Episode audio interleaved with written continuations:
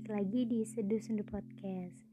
Wah gak kerasa banget nih kita udah ada di episode terakhir dari Seduh Sendu Podcast.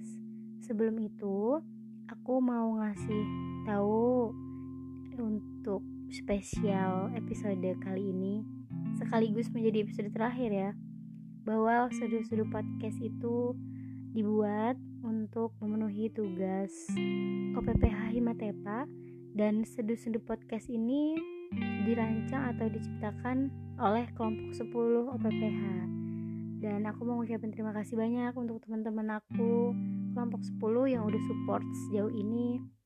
Dan um, untuk teman-teman yang mengisi podcast selama 4 episode ada Novita dan Aida. Terima kasih banyak juga. Dan aku juga mau berterima kasih untuk kakak panitia OPPH yang sudah memberikan tugas dengan materi toxic relationship.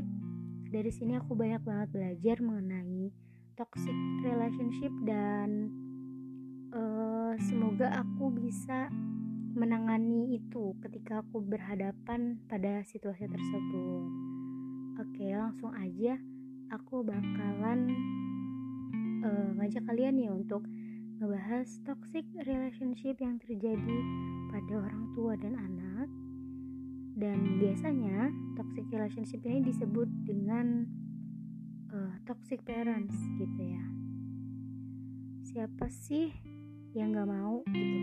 Punya orang tua yang selalu mendukung anaknya yang jarang ngelarang yang memberi kebebasan untuk memilih jalan hidup, juga memfasilitasi apa yang anaknya butuhkan. Tapi sayangnya, untuk dapat orang tua yang seperti itu, yang sesempurna itu, itu nggak mudah loh. Satu hal yang nggak bisa kita pilih nih dalam hidup kita, yaitu takdir memilih orang tua. Nah, gimana nih? Menurut kalian sebenarnya ada gak sih toxic parents itu? Kalau menurut aku pribadi, mungkin lebih tepatnya itu adalah toxic parenting. Jadi gaya pengasuhannya, gaya pola asuhnya. Jadi kalau toxic parents itu kan kayak um, jahat gitu ya. Dan um, menurut aku orang uh, orang tua yang punya niat jahat sama anaknya itu pasti kayaknya bisa dihitung jari gitu. Cuma kadang-kadang pengasuhannya aja yang gak tepat padahal tujuannya baik gitu.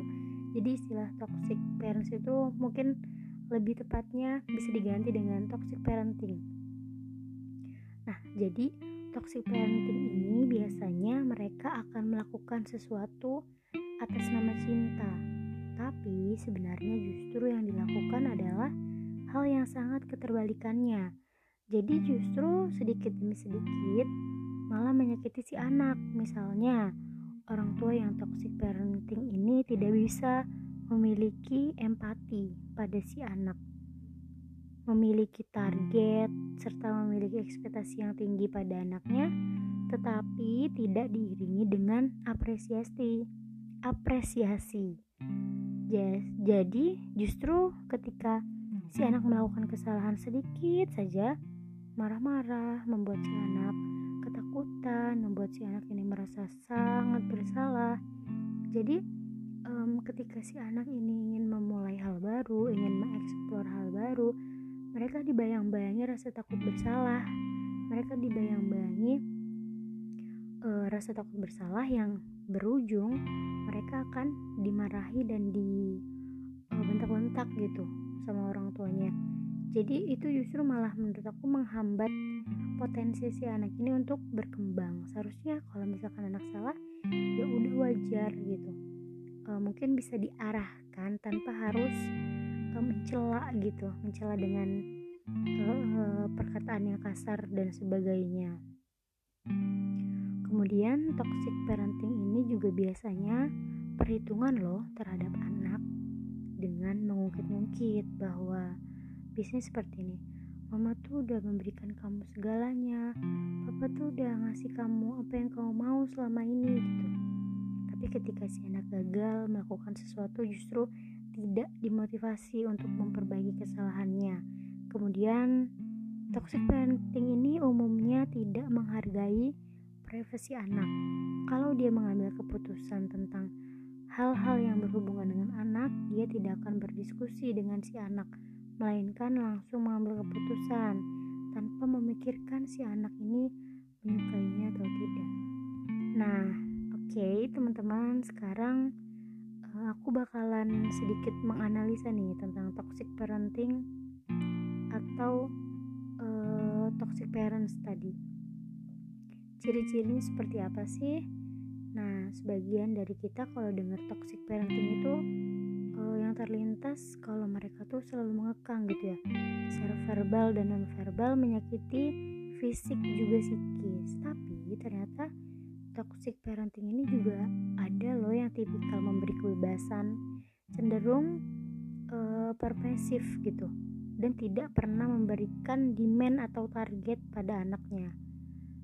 Jadi kayak ya udah terserah kamu mau ngapain bebas. Mau ini boleh mau itu boleh terserah pokoknya nggak pernah uh, jadi kan kalau kita memberikan target pada anak itu uh, setidaknya mengarahkan gitu kamu lebih baik seperti ini gitu. Kalau nggak mengarahkan uh, memberikan target um, gini kamu harus nggak um, harus sih kayak lebih baik uh, lebih baik atau uh, mama lebih senang kalau misalkan kamu dapat ujian segini gitu. Dapat ujian dengan nilai di atas KKM deh nggak perlu sempurna tapi kamu sudah memberikan yang baik kamu sudah mengerjakan itu dengan jujur gitu. Itu kan sebuah target yang uh, diharapkan gitu kan pada anaknya. Nah tapi kalau misalkan yang uh, dia membebaskan dengan uh, bebas gitu jadi kayak ya udah terserah terserah anaknya mau ngapain gitu. Nah Menurut sumber yang aku baca, ada empat tipe pola asuh yang bisa kita pelajarin dan tiga di antaranya adalah toxic parenting. Jadi, toxic parenting yang pertama adalah undemanding but supportive. Jadi memperbolehkan anak melakukan apa pun tanpa target. Ibu aku mau ini, ya udah boleh. Ayah aku mau ini, ya udah boleh jadi apa pun tuh dibolehin gitu. Tapi uh, dia tidak memberikan target yang mana akan membuat si anak itu lalai akan tanggung jawabnya tanggung jawab dia sebagai manusia gitu ya yang akan terus tumbuh dewasa gitu. Takutnya kalau misalkan si anak terlalu dibebaskan tanpa aturan gitu justru akan membuat si anak ini uh, negatifnya ya. Ya dia akan merasa bebas dan uh, merasa tidak punya tanggung jawab Kemudian yang kedua adalah demanding but not supportive. Jadi demanding but not supportive ini memberikan banyak target dan tuntutan pada anaknya tetapi tidak pernah support, tidak pernah mensupport anaknya. Jadi dia selalu saja menuntut anaknya untuk menjadi apa yang orang tuanya mau, tetapi tidak pernah mensupport hanya tuntutan aja tuh yang keluar dari uh, mulut orang tuanya gitu. Padahal uh, ketika kita uh, dituntut untuk melakukan sesuatu yang sebenarnya misalkan itu sulit untuk dilakukan bahkan kita tidak senang melakukan hal tersebut. Tapi kita uh, melakukan itu hanya untuk ya menyenangkan orang lain. Itu sedih loh dan sulit untuk dilakukan apalagi tidak disertai support dari orang tua. Kemudian yang ketiga adalah uh, acuh atau undemanding and not supportive. Nah ini tuh kayak bodoh amatan gitu. Jadi ketika kita melakukan sesuatu ya udah terserah gitu.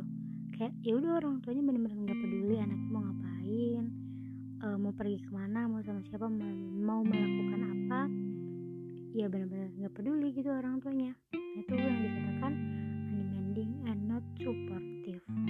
Kemudian bagaimana ya ciri-ciri toxic parenting yang harus kita ketahui?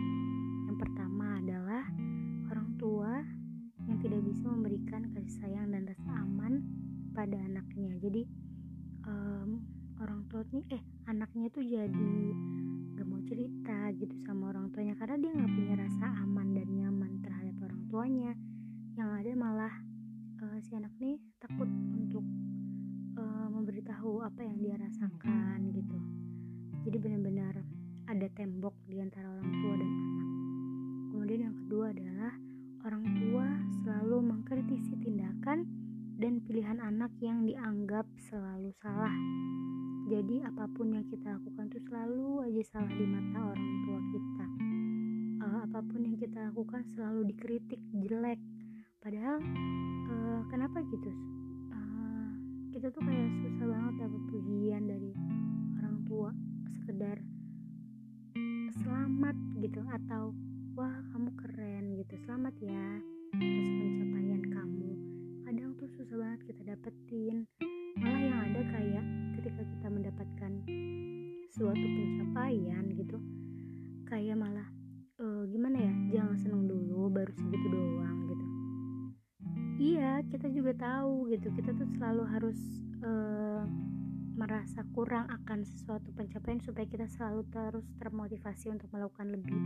Cuma kan kita juga pengen diapre diapresiasi dengan sebuah kalimat sederhana yaitu selamat gitu.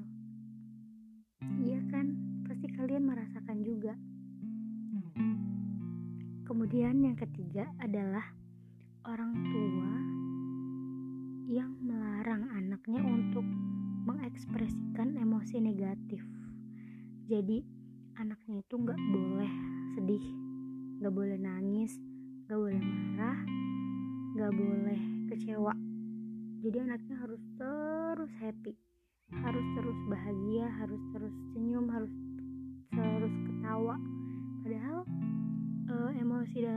kita nih harus balance antara senang dan sedih. Gak boleh senang terus gak boleh sedih terus gitu.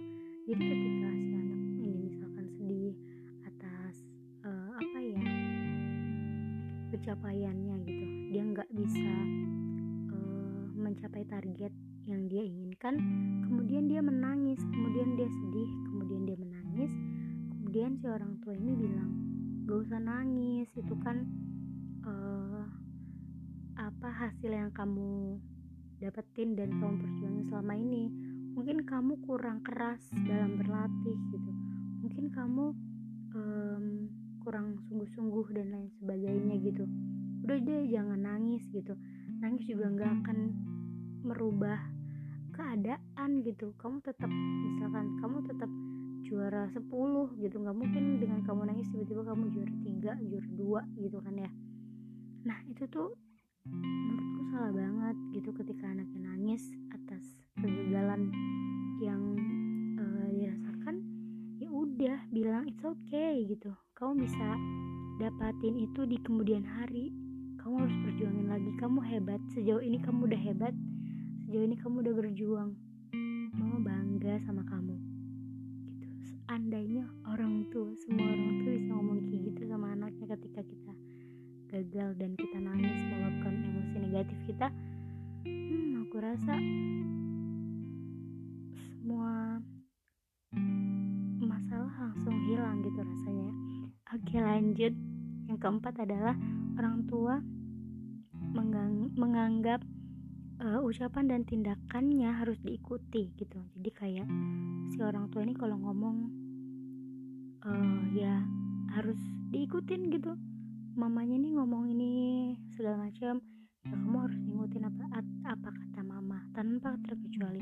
Pokoknya kamu harus ngikutin apa kata mama gitu. Sebaiknya orang tua itu memberikan arahan gitu. Memberikan arahan gitu.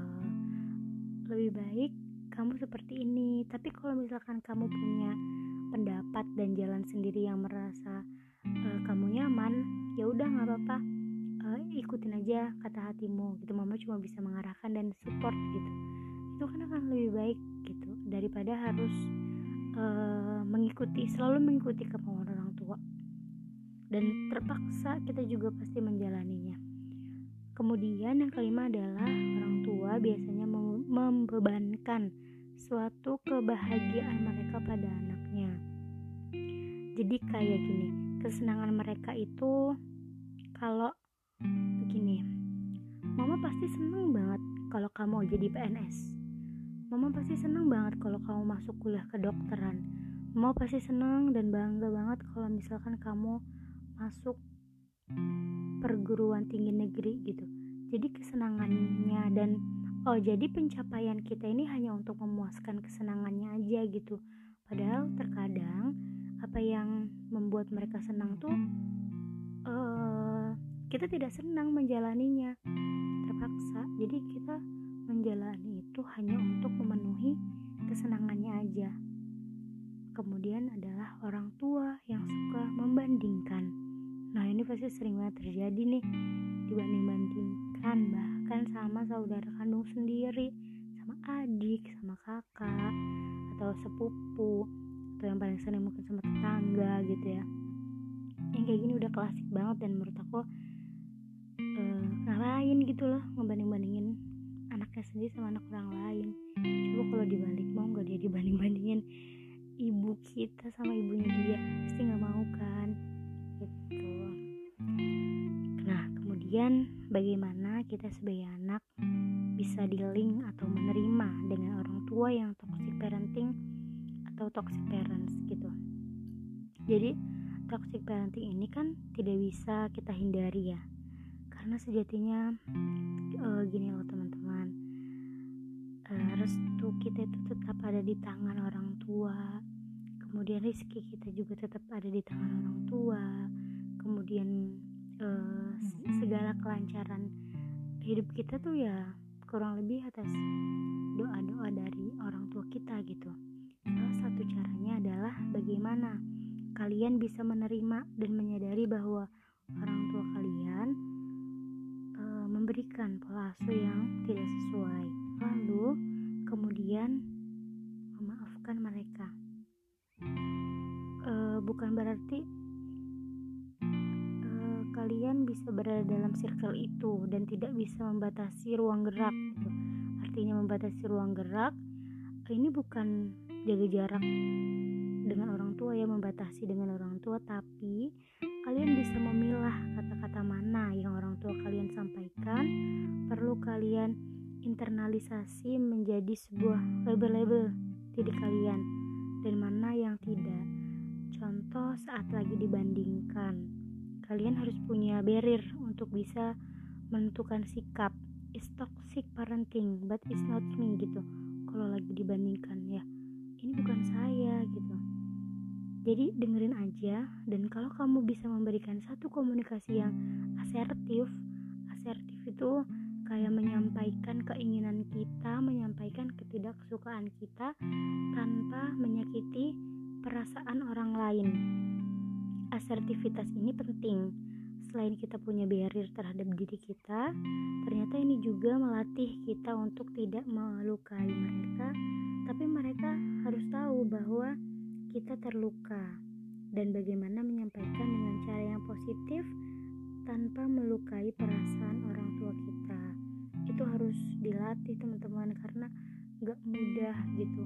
Kita dalam keadaan yang hatinya terluka gitu ya terus kita bisa menyampaikan secara baik-baik tanpa melukai hati orang tua kita. Itu perlu skills Nah, ada empat tipe juga nih kalau komunikasi. Jadi ada komunikasi agresif itu ketika kita uh, membanting meja, eh membanting pintu, sorry, menggebrak meja. Nah itu salah satu contoh komunikasi agresif yang dilakukan kita terhadap orang tua kita. Itu juga nggak baik ya dilakukan. Jadi uh, makanya tadi asertivitas ini perlu perlu banget untuk dilatih gitu.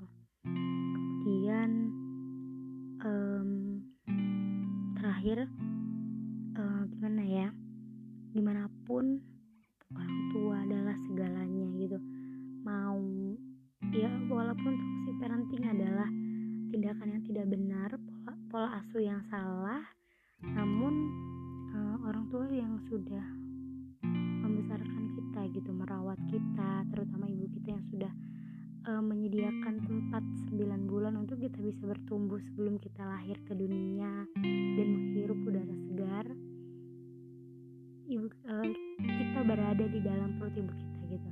Jadi uh, itu tadi sih poinnya adalah bagaimana kita bisa memaafkan memaafkan orang tua kita kemudian kita bisa uh, apa ya menyikapinya dengan dengan cermat gitu. Jadi ketika orang tua kita mulai menunjukkan sikap toxic parenting ini ya udah ada baiknya kita memiliki sikap sendiri ya. Entah nggak usah didengerin atau ya udah iya iya aja di depan mereka gitu. Jadi uh, yang perlu teman-teman ingat bahwa sadari kalau misalkan kita ini punya kendali utuh terhadap diri kita, bukan dikendalikan oleh orang lain, even itu orang tua kita sendiri. Karena uh, kendali besar dalam diri kita ya diri kita sendiri gitu, bukan orang lain. Kita yang tahu diri kita ini uh, suka terhadap apa, di kita yang tahu diri kita ini mau dibawa ke mana, uh, kita yang tahu diri kita ini mau seperti apa ke depannya, hanya kita yang tahu dan um, dan kita tidak boleh memaksakan apa yang tidak kita suka gitu. Jadi berjalan sesuai apa yang diri kita mau gitu. Uh, terima kasih teman-teman yang sudah mendengarkan. Semoga ini bisa menjadi sebuah pembelajaran untuk teman-teman sekaligus uh, menjadi apa ya hmm, menjadi baik dalam menyikapi orang tua yang toksik yang memiliki toxic parenting gitu. Nah, kita juga kan sudah mulai beranjak dewasa yang mungkin bisa dihitung jari beberapa tahun ke depan akan menjadi orang tua.